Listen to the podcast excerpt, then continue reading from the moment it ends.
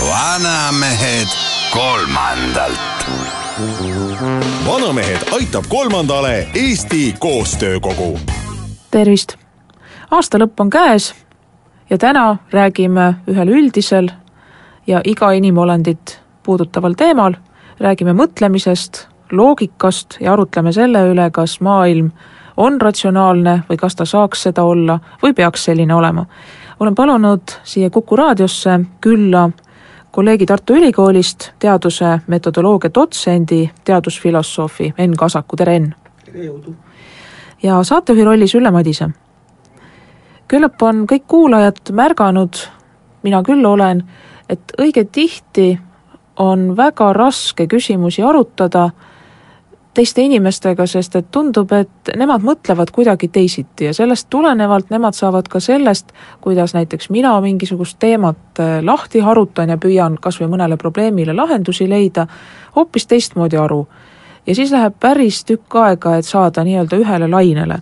ja seepärast ma uuringi, et et kas mõtlemisel on reeglid. sa oled, Enn, äsja andnud välja väga hea ja ilmselt siis Eestis kõikse mahukama loogikaõpiku, igaüks võib selle raamatupoest leida, täitsa soovitan, jõulukingid on tehtud, aga ma arvan, et ilusaid kingitusi võib alati teha, et, et ühesõnaga, kas mõtlemisel on reeglid ja kas me sinu raamatust leiame sellele küsimusele vastuseid? no see küsimus ise on juba, kui tohib, siis ma ei läheneks sellele päris lihtsameelselt. no palun, palun. ja asi on selles, et aga mida ma tean teiste inimese mõtlemisest? no see ongi see küsimus. seal on reeglid, ma ütleks nii, et mina tean ainult enda mõtlemisest, ainult see on mulle kättesaadav. teiste inimeste puhul on mulle ainult jutt kättesaadav. ja nüüd on küsimus siis selles, et eh, kas mõtlemisel reeglid on, noh, enda põhjal ma tean, et vähemalt mõnikord ma mõtlen reeglipäraselt. ja kuna siis on mingisugune reeglipära olemas minu enda mõtlemises kohati, siis järelikult on kohati ka olemas mingisugused eh, reeglid mõtlemises. aga see on kohati minu puhul nii. ja kuna see minu puhul kohati nii, siis on kaunis lihtne eeldada, et see on ka teiste puhul nii. aga nüüd edasi, et kui ma kuulen kedagi rääkimas, siis on olukord teine. ma ei kuule ju, kuidas ta mõtleb, telepaatiat ei ole ju leiutatud, ma kuulen, kuidas ta räägib. ja nüüd mina pean olema see, kes tema juttu kuulates välja nuputab, kuidas mõeldi. See on mõneti tänamatu töö seega selle asemel, et rääkida mõtlemise reeglitest, me peaksime rääkima pigem rääkimise reeglitest või mõtete väljendamise reeglitest. ja muidugi võib rääkida ka mõtlemise reeglitest, aga sel juhul põhimõtteliselt ikkagi tuleb mõelda enesekeskselt, et minu mõtlemisel on mingid reeglid. kui nüüd äh, sinu juttu natukene vigurdades edasi arendada, siis tahaksid sa justkui väita seda, et et see põhimõte, et enne mõtle ja siis ütle, et see sugugi mitte sageli ei kehti, et ehk siis see, mida inimene ütleb, tihtipeale ei väljenda tema mõtet ja pahatihti mitte sellepärast, et inimene ei tahagi oma mõtet väljendada, vaid sellepärast, et ta ütles. ja siis võib-olla mõtles. ei, nii ma küll ei mõelnud, ma tahtsin öelda seda, et mul ei ole teise inimese mõtlemine kättesaadav. väga sageli arvatakse seda, et et umbes nii, et kui ma võiksin kuulda, kuidas teine mõtleb et noh, võiks pealt kuulata, kuidas ta mõtleb. aga mis siis, kui ma kuulengi kogu aeg seda, kuidas ta mõtleb, aga ma ei saa aru. teiste sõnadega, et võib-olla me oleme pidevalt näiteks telepaatiliselt seotud, aga aga teine inimene lihtsalt mõtleb niivõrd teistmoodi, nii no kuidas piltlikult öelda, et on hoopis teistsugune televisiooni nii-öelda algoritm, kuidas ta pilti kokku paneb, kuidas ta, kuidas ta neid signaalikesi ühendab, et see on põhimõtteliselt mulle arusaamatu. teiste sõnadega, ma ei saa mitte kuidagi ette kirjutada selle reeglit, kuidas ta mõtlema peab. selles on, selles on jutu mõte, et ühesõnaga, et mõtlemisel tõenäoliselt on, on reeglid olemas, aga need ei ole mulle kättesaadavad. ja sa tahad öelda, et neid ka uurida teaduslikult ja. usutavalt ei ole kuigi hästi võimalik? ütleme nii, kaudselt on, kaudselt on, aga, aga ma tahan kogu aeg rõhutada seda, et meil tuleb vahet teha ütlemise ja mõtlemise vahel. nõus. ja kui me räägime näiteks mõiste defineerimisest mõistes all peame silmas midagi, mis kuulub mõtlemisse, siis on tegemist äärmiselt kahtlase asjaga sellepärast, et ma võin ju iseenda jaoks selgeks mõelda, võin iseenda jaoks ka defineerida aga tavaliselt, kui me ikkagi oleme, suhtleme omavahel, siis me peame ikkagi defineerima seda, mida välja öeldakse. mitte, mitte seda, mida keegi mõtleb. ma räägin seda meelega sellepärast, et meil on tekkinud niisugune ettekujutus kooris mõtlemisest, vot koorilaulus on kõik käinud ja kooris lauldud ja ja kuidagi selline ettekujutus tekkinud, et, et mõtlemine käib ka umbes nii, et me nüüd mõtleme ühteviisi kooris umbes eh, sarnasel viisil ja sarnaste struktuuride järgi ja et mul on väga kerge teist kuulates ja enda mõtlemisega võrreldes kohe aru saada, kuidas teine inimene mõtleb. aga võib olla nii, et see teine inimene mõtleb totaalselt teistmoodi. ja tal on lähenemine hoopis teistsugune, aga kuna ta on minuga koos ühiskonnas üles kasvanud, me oleme kuidagi hakkama saanud, ta on õppinud oma mõtteid niiviisi väljendama, et ta saab hakkama. mina olen õppinud niiviisi väljendama ja saame hakkama. ja ühisosa on pigem selles, kuidas mõtteid väljendati. ja väga ettevaatlikult tuleb olla sellega, kuidas keegi tegelikult mõtleb. ma ikkagi ütleks, et et tõenäoliselt mõtlemisel on reeglid, aga nad võivad olla väga erinevad nendest reeglitest, mis on äh, ütlemisel. kui nüüd ikkagi natuke veel nende mõtlemise võimalike ühiste või sarnaste reeglite üle arutleda, siis võtaks ühe sellise olukorra, kus grupp erinevaid inimesi erineva elukogemusega ja tõepoolest ilmselt igaüks mõtleb erinevalt, sest see, sellega saab vaid nõustuda, et et me igaüks ehk saame enda peas toimuvast enam-vähem aru aga teiste osas me saame teada seda, mida ta välja näitab või välja ütleb. aga niisiis tagasi näite juurde, et võtame ühe grupi inimesi, olgu see korteriühistu koosolek või koolis lastevanemate koosolek või olgu see näiteks rahvale kogule kogunenud arutlejad või ka Riigikogu komisjon näiteks, et kas, kas ja kuidasmoodi siin seda arutelu niiviisi üles ehitada, et kõik inimesed selle ühise probleemi lahendamisel äh, noh, peaksid kuidagi kinni samadest reeglitest, et hoiame näiteks aega kokku ja et see lahendus peaks olema loogiline ja ja et, et justkui saadakse aru sellest, et keegi hakkab probleemile lähenema noh, just sedasama loogilist äh, rada pidi, et mõtleks, mis on selle probleemi põhjus ja siis arutaks, et mis võiks olla lahendus ja siis nendest võimalikest lahendustest tuleks parim välja valida, et peaks ju nagu väga lihtne olema, aga ilmselt kõik on seda kohanud, et kaugeltki mitte kõik ja vahel enamus ei mõtle niiviisi näiteks ühe probleemi lahendamisel, vaid hakkavad hoopiski rääkima näiteks mingisugust emotsionaalset juttu, süvenemata sellesse, kas probleem on või mis tema põhjus võiks olla, sest et see emotsionaalselt laetud lahendus justkui oleks peas juba valmis. minul on tunne, et nüüd me hüppasime selliselt avaralt lauskmaalt äkitselt ühe terava mäetipu otsa. Nonii? asi on selles, et mina rääkisin esialgu mõtlemisest üldiselt. nii? aga sina rääkisid juba sellisest tõin ühe näite. ratsionaalsest, ratsionaalsele pretendeerivast argumenteerimisest, nii-öelda reguleeritud keskkonnas, kus on ühine eesmärgipärane tegevus ja nii edasi ja nii edasi. see on tühine osa inimese mõtlemisest, mis on taolise tegevusega seotud. ja loomulikult me võime sellele peagi keskenduda, aga ma tahan rõhutada, et see on pisikene mäetipp tohutus, tohutul maastikul, et mõtlemine haarab ikkagi noh, tohutult erinevaid asju. ja kui me rääkisime enne, noh, et kas me saame üksteisest aru, siis eh, ka sõnade puhul näiteks on tähtis kõigepealt sõna.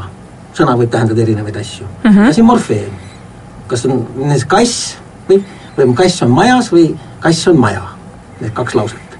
no majas on morfeem jah, see, mis tähendab, et maja on kassi sisaldav, kui, kui, kui täpselt öelda, jah. edasi, eh, fraasid kui me ütleme märgitud mees, siis see fraas tähendab midagi muud kui märgitud ja, ja mees mm. -hmm. fraas tervikuna omab tähendust. nii et needsamad ja tihtipeale tuleb veel sul emotsioon juurde. Need kõik on lause kontekstis ja siin on lisaks ka veel lausel tähendus. ja vot, kui me tahame teisest aru saada, nüüd tekib küsimus, et kuidas neid asju kõiki omavahel äh, suhtestada ja see on meil igapäevases inimlikus suhtlemises pidev tähenduse otsimise probleem aga nüüd me võime ülesannet lihtsustada ja vaadata ainult väga kindlat tüüpi mõtlemist. see, mis seisneb millegi väitmises, mingisuguste lausete ütlemises, mingisuguses sellises kõnekeskkonnas, kus on olemas mingid reeglid ja kus tahetakse jõuda tulemuseni. no näiteks, kui ma istun sõbraga kusagil õllekas või veinibaaris, siis meil ainus tulemus, mis me tahame saavutada, on ennast mõnusalt ära eh, tunda ja lihtsalt lobiseda. Eh, see ei taha üldse, et sellel arutelul peaks olema mingisugune tulemus, mida siis kirja panna, see on ka võib-olla isegi märksa sagedasem tegevus paljudel inimestel, kui istuda korteriühistu koosolekul. tulles nüüd tagasi selle asja juurde, et ma tahan öelda, et jutu, kui me räägime mõtlemise reeglitest, siis need reeglid on olemas ka, ka sellistes olukordades. aga et kui me hakkame rääkima puhtalt ratsionaalse mõtlemise, reeglipärase mõtlemise, korrastatud mõtlemise, millel on siis nii-öelda eesmärgipärane millel on nii-öelda reguleeritud kõnekeskkond, kus on dialoogireeglid paigas, et umbes nii, et kellel on õigus vestlust juhtida ja, ja kes otsustab, et, et mingisugune lause on parem kui teine ja nii edasi. vot siis me saame selle probleemi juurde alles tulla, millest sa nüüd alustasid. et kas me nüüd viskame selle ülejäänud mõtluse praegu kohe kõrvale ja hakkame rääkima nüüd ainult sellest ratsionaalsest mõtlemisest, mõtleme kusagil Riigikogu komisjonis või teeme, teeme. siis nõnda, et kaks minutit räägime veel üldiselt, siis kuulame kommertsteadaandeid ja seejärel hüppaks kohe sellesama ratsionaalse ja, ja siis soovitavalt ka sinu raamatus kirjeldatud loogikareeglitele vastava mõtlemise juurde. aga ütlemegi nii, et sealsamas raamatus ma näen sellega umbes sada lehekülge vaeva, et näidata, et et loogikaga saab väga vähe ära teha, et loogika all siin, see sõna ise on väga mitmetähenduslik peetakse siis silmas siis teatavat sorti õpetust, mis just uuribki ratsionaalse mõtlemise reegleid, tulemusliku ratsionaalse mõtlemise reegleid. ja vot seda, et jõuda igasugusest mõtlemisest niiviisi, et me, me saame keskenduda selle ratsionaalsele mõtlemiseni, seda tuleb spetsiaalselt harjutada, seda tuleb nii-öelda ette valmistada ja vaadata, kus see asi üldse töötab. tavaelus ei ole loogikast kasu kui sa oled öö läbi pidu pannud ja lähed hommikul koju ja katsud abikaasale seletada hästi loogiliselt, kus sa öö läbi olid, siis sellest ei ole mingit kasu. mida loogilisem see jutt on, seda kahtlasemana see kõlab. et eh, on ainult, ainult väga vähestes piirkondades võimalik eh, kasutada seda loogikat, aga see-eest seal, kus on, seal on tast väga palju kasu. kui sa nüüd veel mõtlemisest siiski üldiselt räägid, et et no näiteks, kus on siis see eesmärgi vaba mõtlemine, et sa siin praegu paar näidet tõid, aga et et kui sa räägid, et ainult üks väike osa mõtlemisest allub reeglitele ja on eesmärgistatud, et et mis see suurem osa siis on, no sa rääkisid sõbrad õllepaaris, kus nende eesmärk ei olegi lahendada mõnda probleemi, vaid pigem teha nalja ja olla mõnusasti, aga mis veel? et näiteks inimene vaatab maailmas ringi ja kuidagi enda jaoks, enda sees omistab tähendusi mingitele asjadele, noh ilmselt jällegi, et ta ei, tal ei ole teatud ratsionaalseid eesmärke siin. jutt ei tähenda siin seda, et inimesel puuduks eesmärk. küsimus on selles, et ta ei ole oma mõtlemist niiviisi üles ehitanud, et see nagu male mäng samm-sammult äh, pannakse kokku mingi kaardimaja või, või mingi struktuuri, et kusagilt me alustame ja kusagil lõpetame.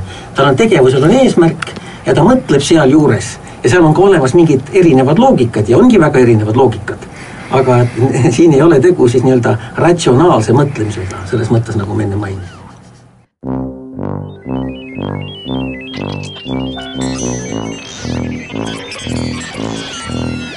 Vanamehed kolmandalt.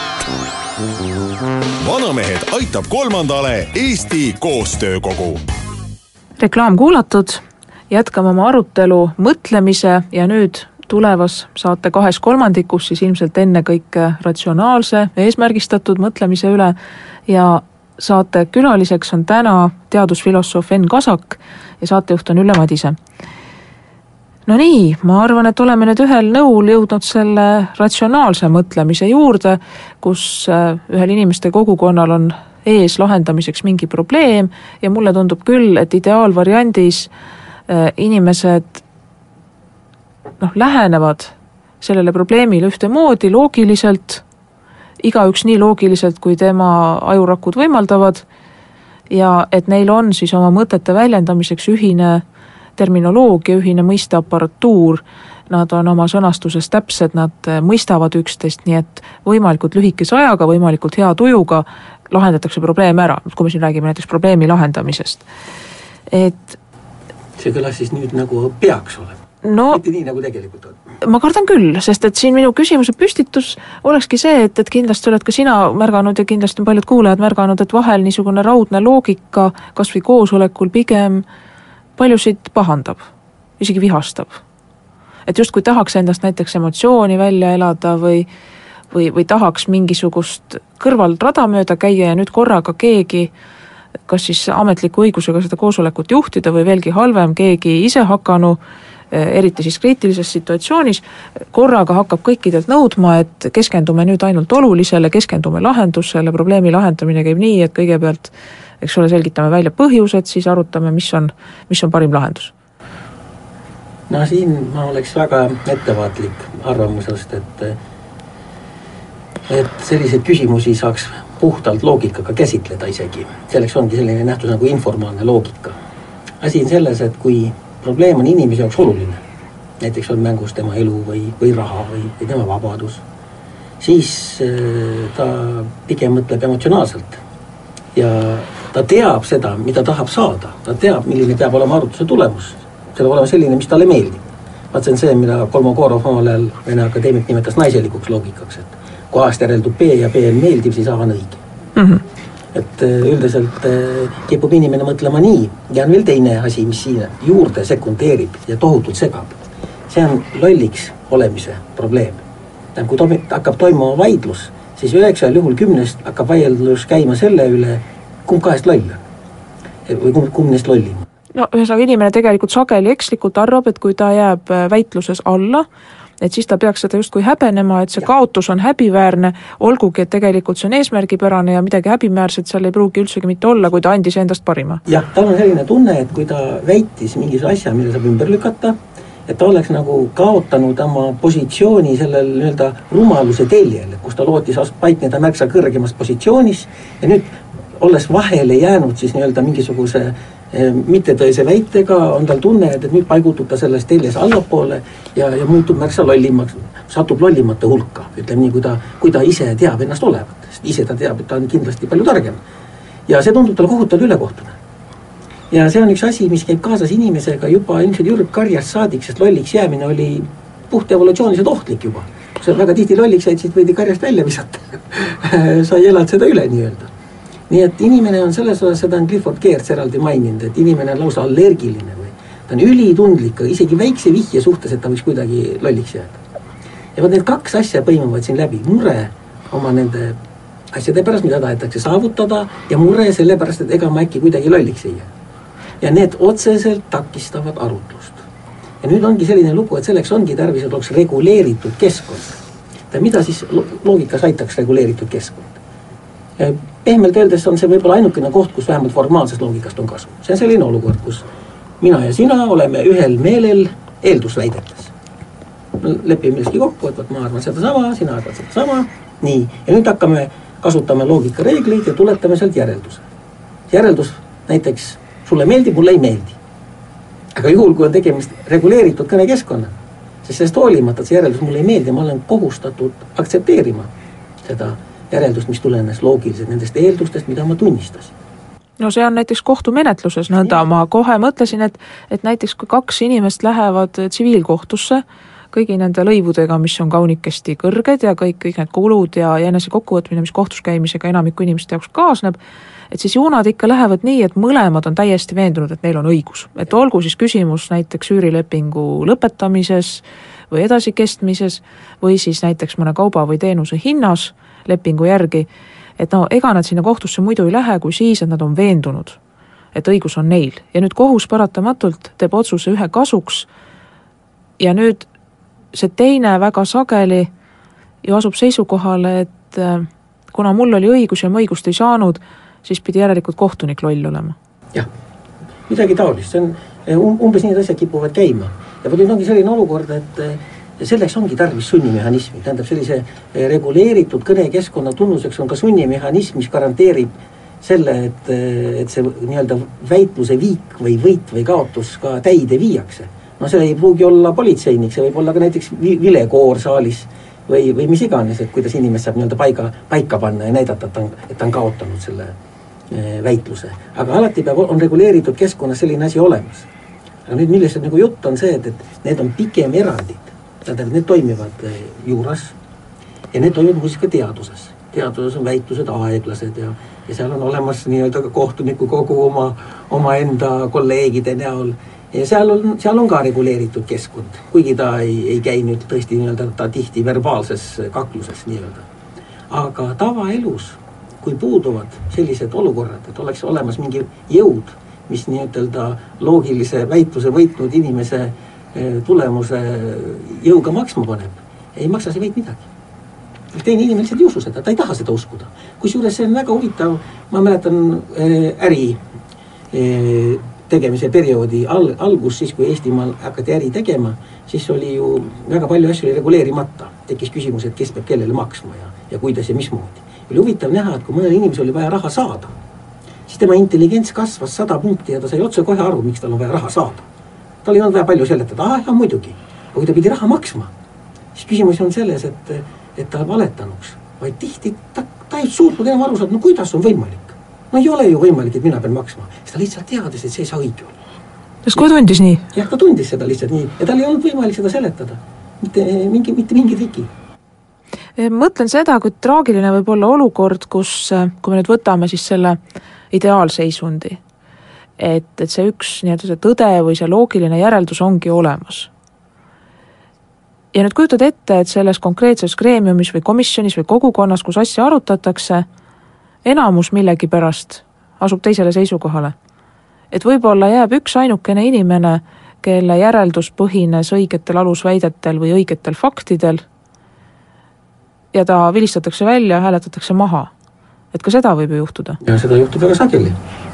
Ega siis eh, ma kujutan ette, et paljud arvavad, et demokraatia seisnebki selles, et et eh, tänaval kusagil Rae platsis vaidlevad kaks kvantmehaanikut ja me lähme mööda ja hääletame, et näed, see ilusa lõvilakaga poiss kindlasti räägib palju õigemat juttu kui see vastik paks vana, mis seal kõrval paraku, paraku need asjad tihti nii ongi, jah.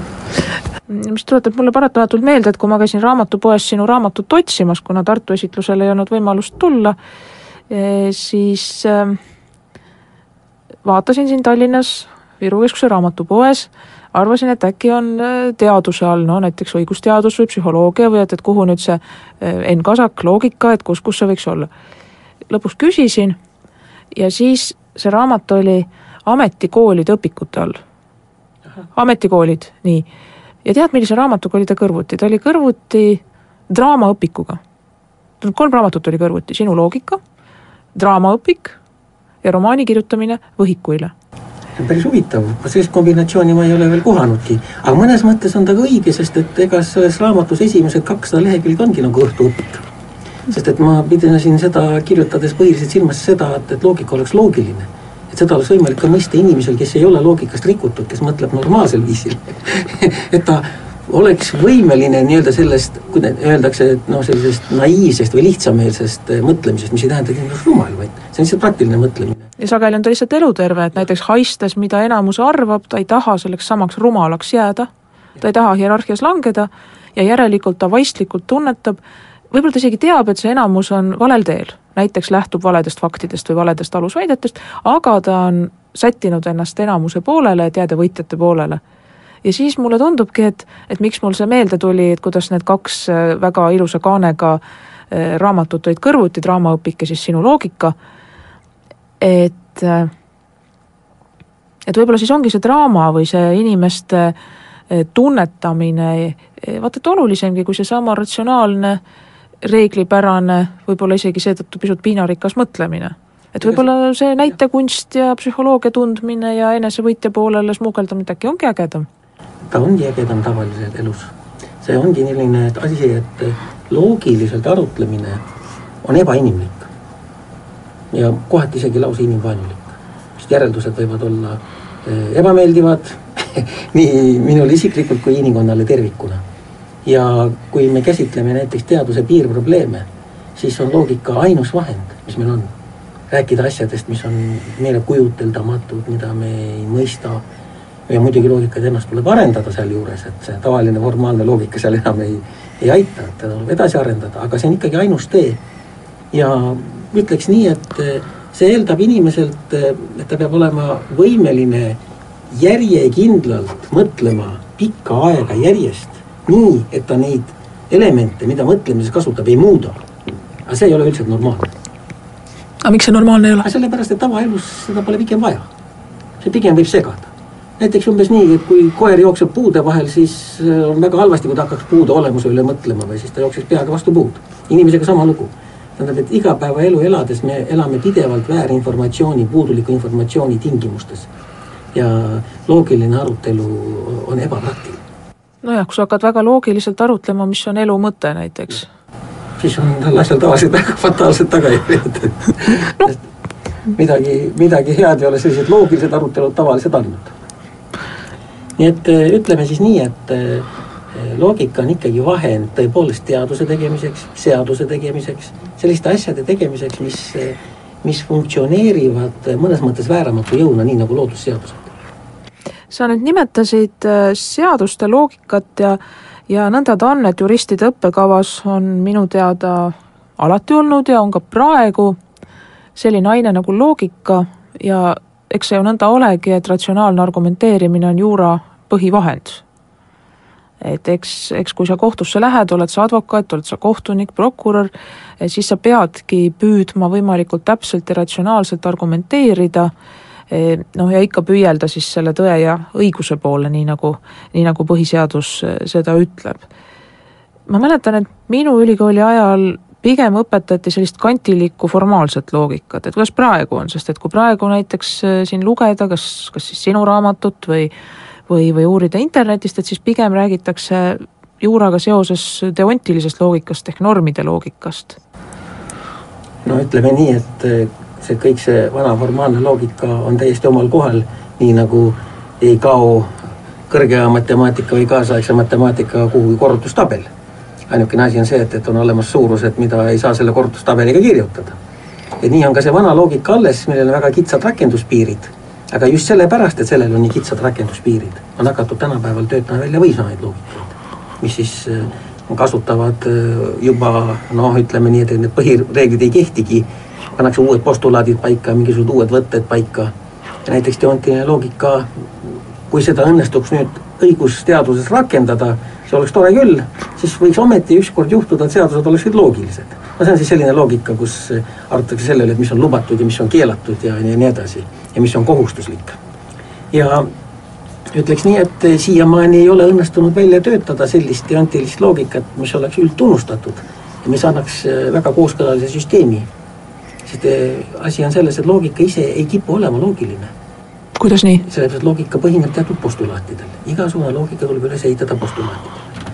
ja saavutada see, et need postulaadid oleksid kooskõlalised ja annaksid väga hea tulemuse, see on erakordselt raske ülesanne, sest me postuleerime asju, mida me tegelikult ei tea. Need, need postulaadid, nad väljuvad inimteadmise piiridest, nende, nende postulaadide ulatus. seega me paigutame nad ebatäpselt ja tulemus on selline, et sellisel viisil üles ehitatud loogikad päris hästi kunagi ei tööta Nad käivad, aga ei käi ka. Nad, tähendab, nad töötavad hästi kui mingid matemaatilised mudelid. loomulikult, alati saab teha mingi matemaatilise mudeli ja selles mõttes ta töötab. aga niipea, kui me üritame seda rakendada tegelikule maailmale, vot sellest nagu algab nüüd asja tuum. enne oli ka juttu, et vot, et oli mingi arutlus ja vot, et oli nii-öelda õige tulemus. aga see tulemus on õige ainult sellisel juhtumil, kui eeldused olid tõesed. aga mis siis, kui eeldused ikka päris tõesed ei olnud, vaid olid natuke tõesed või enam-vähem tõesed. Need on täpselt vähemusloogikat ja nii edasi. nüüd on veel olemas olukorrad, kus tuleb välja, et, et nii väide kui vastuväide mõlemad võivad tõesed olla. näiteks ma ütlen, elu on mõttetu. väga tark ütleme, elu on mõttekas. on ka väga tark, jah. täiesti vastuolus omavahel et kuidas, kuidas selliseid asju käsitleda ja vot taoliste asjade käsitlemisel läheb tarvis võimsamaid loogikaid ja see on, ja see on päris nii-öelda paras töö. et ütleks nii, et võib-olla võiks nii sõnastada, et selline elementaarne loogika, seda oleks tõesti vaja. tähendab, et me ei saa teha mingit teadust ega, ega mingit juurat ega, ega teha ka ühtegi ratsionaalset arvutlust, kui see paigas ei ole, see peab endastmõistetavalt olema. aga et sellest ei piisa, ei piisa siis, kui me hakkame seda loogikat rakendama tegelikule maailmale paljudele töökohtadele kandideerimisel teatavasti eh, tehakse vaimsete võimete teste ja ega päris sageli just seal ongi äh, niisugused loogikaülesanded, et sa oled kindlasti neid ka lahendanud ja vaadanud, kuidas sa neisse suhtud, et kas see on äh, enne tööle võtmist inimese kollektiivi sobivuse hindamiseks tema mõtlemisviisi või võime testimine? Või tegelikult saab ka kritiseerida, et need testid õige sageli põhinevadki võib-olla valedel eeldustel ja muudavad hoopis midagi muud ja mitte siis selle inimese tegelikku mõtlemis- ja probleemide lahendamise võimet. Ja nii see kipub olemagi, meil oli, alustasime ju sellest, et rääkisin, et inimesed mõtlevad väga erinevalt. ja võib olla nii, et mõni inimene mõtleb hiilgavalt, aga tal on teatavat sorti loogikaülesannete lahendamisega tõsiseid raskusi. tema jaoks on see mingisugune, no me, me ei kujuta seda ette, nagu mingisugune kujuteldamatul viisil ta lihtsalt ei ühenda ja samas mingi probleem, mis tundub kohutavalt keeruline, ta ühendab väga, väga ilusasti.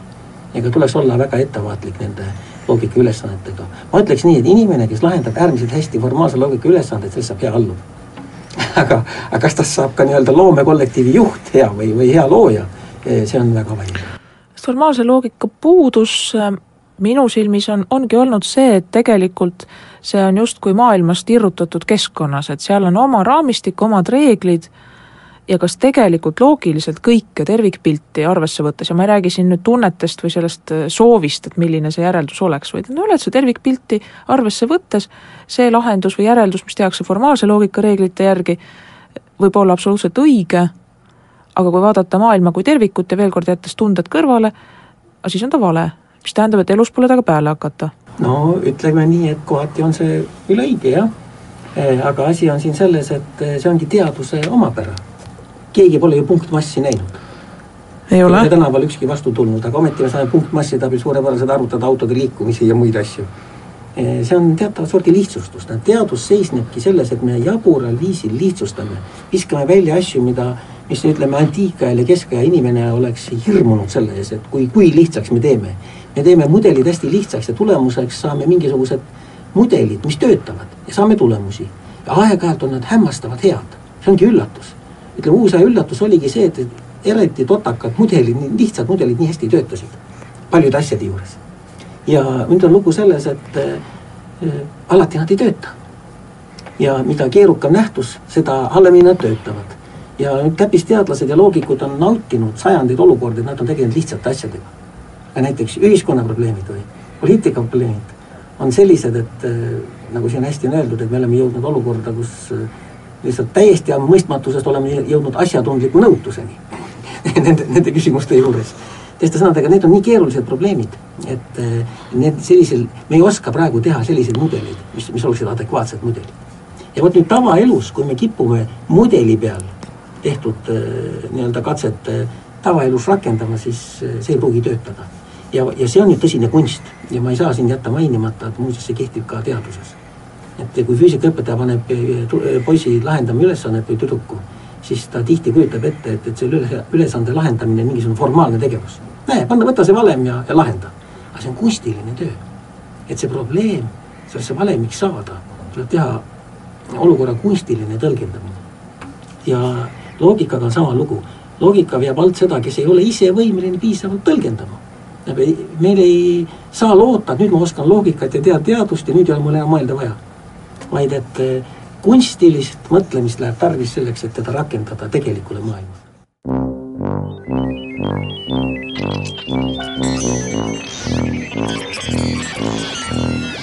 vanamehed kolmandalt. vanamehed aitab kolmandale Eesti Koostöökogu jätkame arutlusi loogikast ja mõtlemisest, stuudios on teadusfilosoof Enn Kasak ja saatejuht Ülle Madise ja oleme jõudnud saate viimasesse kolmandikku, terve mõistuse filosoofia. mis see on? noh, see on nüüd, ütleme nii, et jutt on nüüd filosoofiast, mitte loogikast, jah? jah, nõus see on ettekujutus sellest, ma ütleksin, see on lihtsameelse inimese ettekujutus maailmast, tähendab, kes on lihtsameelne? lihtsameelne ei ole loll. lihtsameelne on see, kes arvab teadvalt, et ta teab, kuidas asjad on ja seepärast ta võib-olla ka ei taha nende samade piinarikaste loogikareeglite järgi mõtiskleda, sest et see valem võiks anda vastuseks midagi, mismoodi tema väga kindla veendumuse kohalt asjad ei ole. teeme siis niiviisi, et, et kui ta kinnitab seda, mida ma niigi tean, siis ja. on ta kasutu ja kui ta hakkab mulle seletama seda, mida ma tean, mis on selgelt vale, siis on ta igal juhul jama mm. -hmm. mingil juhul pole tarvis loogikat, vot see on niisugune terve mõistusega inimese mõtlemine selle asja juures. ma ju tean, kuidas asjad on, ma ju näen, kuidas asjad on vaadake, igal pool toimub ju mingisugune sildistamine ja keegi kusagil on näiteks rahvuspõhine või kohe pannakse mudelid külge või mis, mis iganes, on olnud keegi mingis ametis olnud või või, või keegi on kellegi sugulane või otsekohe tehakse järeldused, otsekohe, ma ju tean, kuidas on. nii et see on, see on see lihtsameelne mõtlemine, nagu võiks öelda, ja see ongi terve, tervemõistuslik mõtlemine. ja seda õigustab see, et statistiliselt ühiskondlikus elus on terve mõistusega mõteldes enamasti õiged tulemused tulemused annavad praktiliselt kasulikke tagajärgi. aga selline ühiskond ei, ei liigu tavaliselt eh, edasi positiivses suunas, vaid pigem stagneerub, kes selle järgi elab. no kes on siin jälginud eh, praegu siis poliitika teadustes kaasaegset kirjandust, ise lugesin siin hiljuti just Aspen Review'd, kus oli nii-öelda kaanelooks ja põhiteemaks eh, illiberalismi tõus Euroopas, kaasa arvatud siis Ida-Euroopas ja seal kirjeldatakse päris pikalt näiteks äh, erakondi mitmetes Kesk- ja Ida-Euroopa riikides, kes äh, just nimelt apelleerivad sellele tervele mõistusele, sellele loogikale, mille või noh, mis siis peaks aitama õigustada nii-öelda tervemõistuslikke otsuseid ja väga sageli siin on ka need järeldused on juba ette teada, näiteks et majandusel oleks hea see, kui kehtestada uuesti kaitsetollid. Või siis, et majandusel oleks hea, kui keelata ka teistest Euroopa Liidu liikmesriikidest äh, immigratsioon ära ja nii edasi. jah, ma julgen siin kohe, kohe arendada seda nii-öelda groteski lõpuni ja öelda otse välja ka vana tarkuse juba, et kui inimesed oleksid kogu aeg lähtunud tervemõistuslikust loogikast, siis me elaksime väga heades koobastes ja teeksime väga ilusaid kivikirveid siiani. miks nii? Aga sellepärast, et äh, terve mõistus ju näitas, et nii saab läbi. kirve, kirveid saab väga hästi teha ja koobastes saab väga elada, aga ainult loll läheb otsima mingisuguseid palki kusagil kokku panema ja seal võib ju alla jääda või võib pähe kukkuda või keegi pole enne näinud, keegi pole enne teinud no ja pealegi, milleks näiteks masinaid leiutada, kui on selge, et, et seepeale hakkab juhtuma õnnetusi ja lisaks palju inimesi jääb tööta? just nimelt, et äh, selle asemel, et need inimesed teeksid kogu aeg tööd, nad saavad vabaks, kuid et hakkavad veel mässama, niisugust jama ei ole vaja no muidugi ütleme nüüd nii, et eks nad on natukene nalja, naljaga pooleks need arutelud, aga terve mõistusega ühiskond ei arene. vaid ta, ta kinnistab seda, mis on ikka ja jälle olnud, kinnistab ja kinnitab ja kinnistab selle ahaa, aga mulle tundub, et päris sageli jälle just nimelt selleks nii-öelda tervemõistuslikuks lahenduseks eh, loetakse mingisugust üsna agressiivset ja tihtipeale emotsionaalselt laetud lahendust. et saadaks kellegi välja maalt või lõhuks midagi ära või keelaks midagi ära, et noh, näiteks, et kui on mingisugune nähtus ühiskonnas, mis tundub äh, vale või ohtlik, keelaks ära. sellest, kas seda keeldu on võimalik tegelikkuses ellu viia, kas inimesed seda ka järgiks ja veelgi enam, et kas sellel keelul eh, üleüldse on mingisugust loogilist seost näiteks selle pahega, mida üritatakse välja juurida. et seda päris tihti nagu ei analüüsitagi, sellepärast et ette on juba välja mõeldud, et jube vahva on, et noh, keelame lihtsalt ära, no kui hea tunne on aga ära tuleb keelata kõik see, mis kaldub kõrvale ikkagi sellest, mis on nii-öelda läbi proovitud ja, ja keskmine, nagu inimene peab mõtlema ikkagi nii, nagu, nagu normaalne inimene mõtleb. ja, ja, ja normaalsel viisil mõtlema, aga noh, see ütlegi, ütleks nii, et et ma ei, kuidagi ei alaväärista tervet mõistust igapäevaelus hakkama saamisega. ja terve mõistus on seda efektiivsem, mida triviaalsem on probleem. mida igapäevasem on probleem või annab taandada probleemi igapäevaseks, on ta väga kasulik asi sest et seal on, ta on kujunenud välja ikkagi pika aja jooksul ja seal on väga kerge leida kasulikke praktilisi lahendusi. aga niipea, kui ma satun uude olukorda, tundmatusse olukorda, eh, nii on tervest mõistusest eh, sama vähe kasu nagu, nagu mitteteadmisest. ta võib töötada juhuslikult, aga võib ka mitte töötada kui ma uurisin sinu raamatut ja, ja mõtisklesin ühiskonnaelu loogilise korraldamise üle, noh nii nagu ikka, on, on aastaid selle üle saanud mõtiskletud ja vahest ka kurvastatud, et tundub, et et võib-olla asju tõesti ei, ei taheta või ei osata vahel loogiliselt korraldada, siis tuli meelde Albert Camus üks tõdemus, kus ta märkis midagi sellist, et noh, eks tõlkes võib minna üks või teine sõna viltu, aga aga umbes niimoodi, et, et, et maailm kui selline ei ole mõistuspärane ja et ega suurt rohkem ta kohta öelda saagi ja siis ta viitab sellele, et eh, noh, ta, ta siin ju käsitles, eks ole, päris palju absurdi, et, eh, et kuidagi on inimestel meeletu selguse iha, mis vastandub aeg-ajalt irratsionaalsusega ja siis tekib absurd ja sellele inimene heliseb alati kaasa et kuidas sina seda mõtet edasi arendad või kuidas sellise olukorraga leppida, et, et ühelt poolt oleks nagu kohutav selguse iha, näiteks mina küll tahaks teada, et kus on meie maailmaruum, et noh, selles tavaloogikas iga asi peaks ju millegi sees olema, et kuidas saab olla nii, et noh, et ei ole sees et oleks justkui miski piiritu, ei saa ju midagi piiritut olla. no ma ei arendaks seda teemat praegu edasi, kuigi see mulle on hingelähedane kui endisele astronoomile. no. võiks seda, võiks, või astrofüüsikule, võiks seda teemat no kangesti tahaks, et selge oleks, eks ole? jah, aga ma ütleks seda, et see on otseselt seotud ka sellega, mis on kunstiteose ja luule loogika. nii? tähendab, et eh, teadus ja loogika on nii-ütelda vahendid, mille abil saab kirjeldada väikseid tõdesid. nagu enne juttu oli, et kaks korda kaks, kas on neli või ei ole neli igaks juhuks mainin siin ka selle kohe ära, et et paljud inimesed kipuvad ütlema, oi, aga kaks liita kaks ei ole alati neli. et siis nad ajavad segi. jutt ei ole siis, kui jutt on kahest lambast ja kahest lambast, siis ei ole kaks. või kui jutt on kahest veepiisast ja kahest veepiisast, siis ei ole arv kaks. arv kaks, liita arv kaks. abstraktne objekt kaks on alati neli. erinevalt lammastest, lehmadest ja kõigest muust, et vot selle tuleb lihtsalt vahet teha. nii, ja nüüd on selline lugu, et äh, lihtsad tõed on need, et neid uuribki teadus ja loogika aga enne mainisime juba sedasama, et elu on mõttekas, elu on mõttetu. Suured tõed on, ongi paradoksaalsed ja absurdsed ja väga lihtsal põhjusel. maailm loodetava või arvatavasti, ma ei oska öelda, on see hea või halb, ei paikne meie peas, vaid meie oleme maailmas. ühesõnaga, meil pole alust arvata, et maailm peaks hoolima meie mõtlemise viisist ja meie mõistmise viisist maailmale.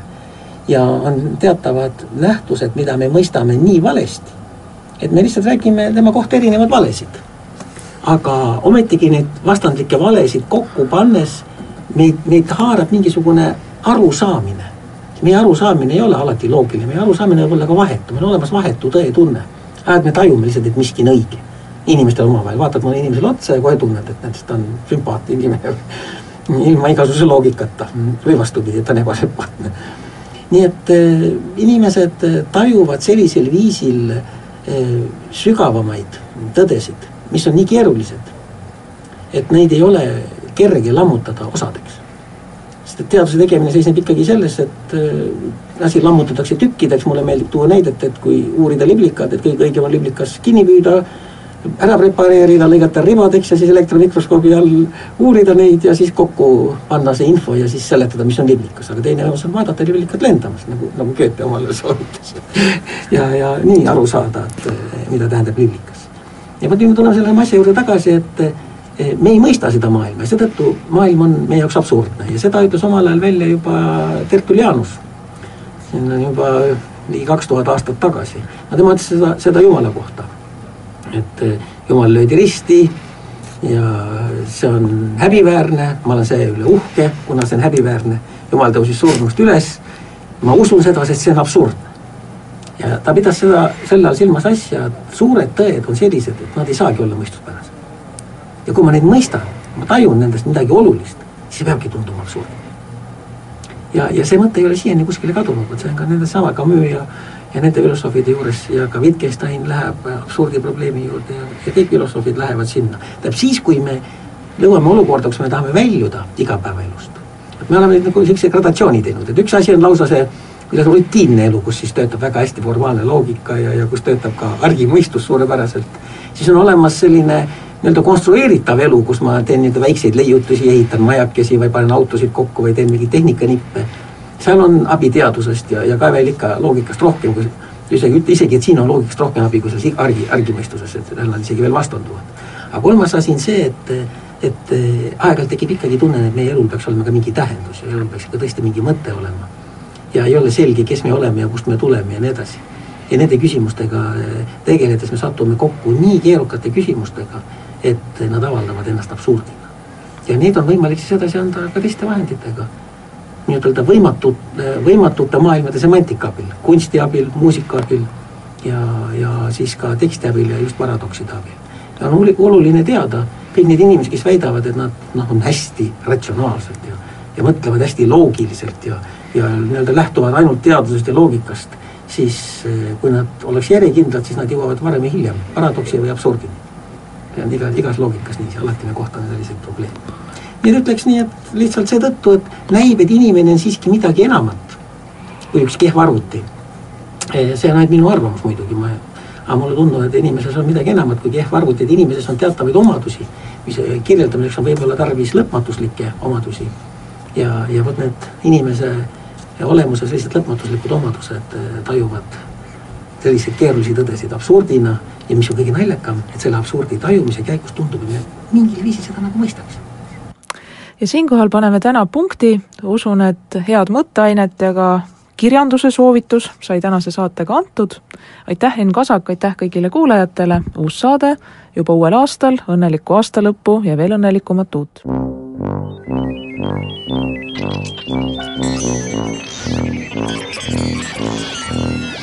Vanamehed kolmandalt. vanamehed aitab kolmandale Eesti Koostöökogu